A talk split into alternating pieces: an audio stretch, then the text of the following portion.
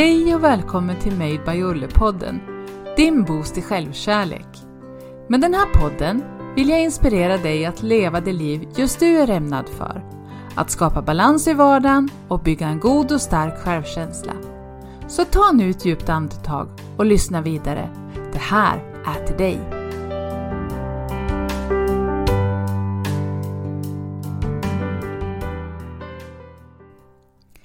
Ni vet ju att både Per och jag pratar mycket om balans eh, och att det faktiskt är vårt ledsnöre här i podden.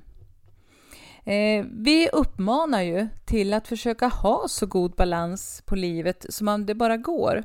Stundtals så går det fungerar det jättebra och man känner att balansen infinner sig, allt flyter på, allt känns lätt. Men så kommer man in i perioder då det är svårt att nå den här balansen. Förra avsnittet så pratade jag om hur jag agerar och reagerar när livet snurrar för fort och om jag lever som jag lär. Den här veckan har varit hutlöst intensiv och jag har töjt med mina gränser rejält. Ni vet en sån här vecka när dagarna och kvällarna bara flyter ihop och när man väl gör kvällar så är det redan läggdags och man funderar liksom, vad, vad hände, vad tog den här vägen, dagen vägen då? Ja, när det blir såna här perioder, då måste jag stuva om i min kalender och stryka, ta bort och tacka nej helt enkelt. Jag måste alltså dra nödbromsen för en liten stund och stilla mig så livet hinner ikapp. Och den här ommöbleringen gav mig en skön kväll ensam hemma fast jag egentligen skulle ha varit på trevligheter tillsammans med fina vänner. Men ibland får trevligheter vika åt sidan för återhämtningen. För den är den viktigaste verktyg jag har. Utan återhämtningen så skulle jag inte fungera och utmattningen skulle göra comeback med rasande fart. Så därför tänker jag inte ha något längre poddavsnitt idag för att eh, tiden har helt enkelt inte riktigt räckt till för att förbereda en podd den här veckan. Men jag kände ändå att jag ville skicka med er något uh, och då tänker jag tipsa er om örnperspektivet.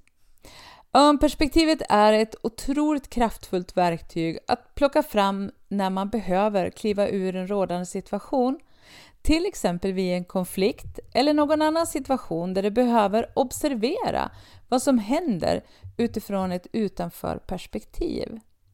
Eh, och den här liknelsen kan man ju göra då med örnen som flyger ovanför oss och betraktar var, vad som händer där nere. Och precis så ska du tänka. Låt oss ta en situation där du känner dig påhoppad eller om du blir arg på någon. Eh, och för att då få perspektiv på dig själv och, och vad som händer så, så föreställ dig att du flyger ovanför som en örn. Du kliver ur din, dig själv helt enkelt eh, och ser ditt liv från en högre höjd eller bredvid då, om man så vill.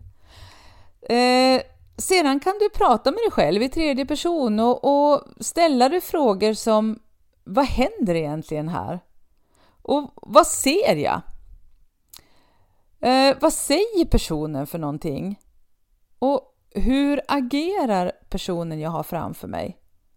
Och hur tänker jag nu agera på situationen? Eh, det här gör ju att Eh, du går ur dig själv för en stund och även kliver ur då dina känslor.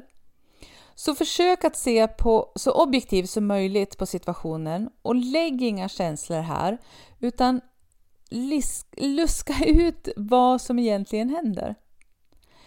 Ett annat tillfälle då det är bra att kliva ur sig själv i eh, sådana här situationer då, det är om du vet med dig att du alltid säger ja eller alltid då hjälper andra på jobbet. Du är en sån här person som alltid finns där för dina kollegor. Kommer de och ber om hjälp så säger du alltid ja. Eh, fast du vet att de borde klara av situationen själv, att, att det är kanske bara lite lathet här, eh, eller också en vana. Dina kollegor alltid är eller van med att du alltid säger ja. Normalt sett då Eh, så brukar man få den här känslan när man säger ja direkt. Så får man en knut i magen och du känner dig lite frustrerad och småsur över att du säger ja. Eh, här hjälper det jättemycket att kliva ur situationen när du får frågan om att hjälpa till och se vad som egentligen händer. De ber dig om hjälp. Du varken vill, orkar eller hinner egentligen. Så istället då för att direkt säga ja så hinner du tänka efter, få en känsla och faktiskt säga nej. För här har vi en win-win situation. För att om du vet att det, alltså din kollega alltid frågar dig då istället för att försöka lära sig uppgiften själv. Och det kan ju bero på att, att den, din kollega då är osäker eller att det är någonting annat då, att den är lat eller inte hinner med. Så säger du nej så lyssnar du på dig själv och du gör inte våld på dina känslor och din stressnivå. Eh, det gör att du får en lugn i kroppen. Sen är det faktiskt så här att i och med att du säger nej så ger du din kollega chansen att lära sig uppgiften själv och då leder det till att dennes självförtroende växer. Så det finns många fördelar till att stanna upp och checka av vad som händer och analysera situationen. Att inte ha så bråttom, att varken gå in i cringe med någon eller låta känslorna ta över eller att eh, hinna tänka efter. Vill jag det här? Då säger man ja. Eller vill jag inte? Då säger man faktiskt nej. Och det här tänkte jag att jag ville skicka med er den här veckan.